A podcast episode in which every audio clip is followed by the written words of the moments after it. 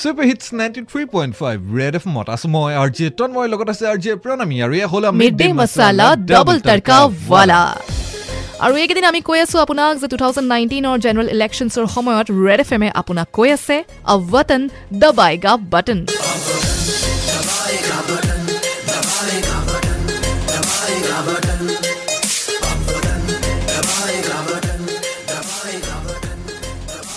বিশেষকৈ যিসকল first time voter তেওঁলোকক আমি ৰিকুৱেষ্ট কৰিছিলোঁ যে তেওঁলোকতো কেনেধৰণে এক্সাইটেড হৈ আছে প্ৰথমবাৰ ভোটদান প্ৰক্ৰিয়াত অংশগ্ৰহণ কৰিবলৈ।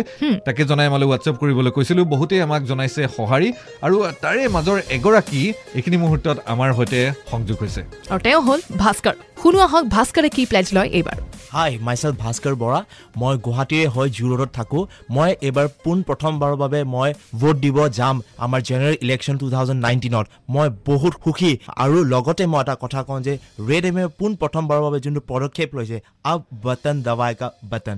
সেই বস্তুটোৰ কাৰণে মই ৰেড এমক এপ্ৰিচিয়েট কৰোঁ আৰু মই এইবাৰ প্ৰথমবাৰত ভোট দিব যাম। তাৰ লগত মোৰ ফ্ৰেণ্ড ধীৰাজকো লৈ যাম আৰু তাৰ ৰেচপনচিবিলিটি মই নিজেই ল'ম।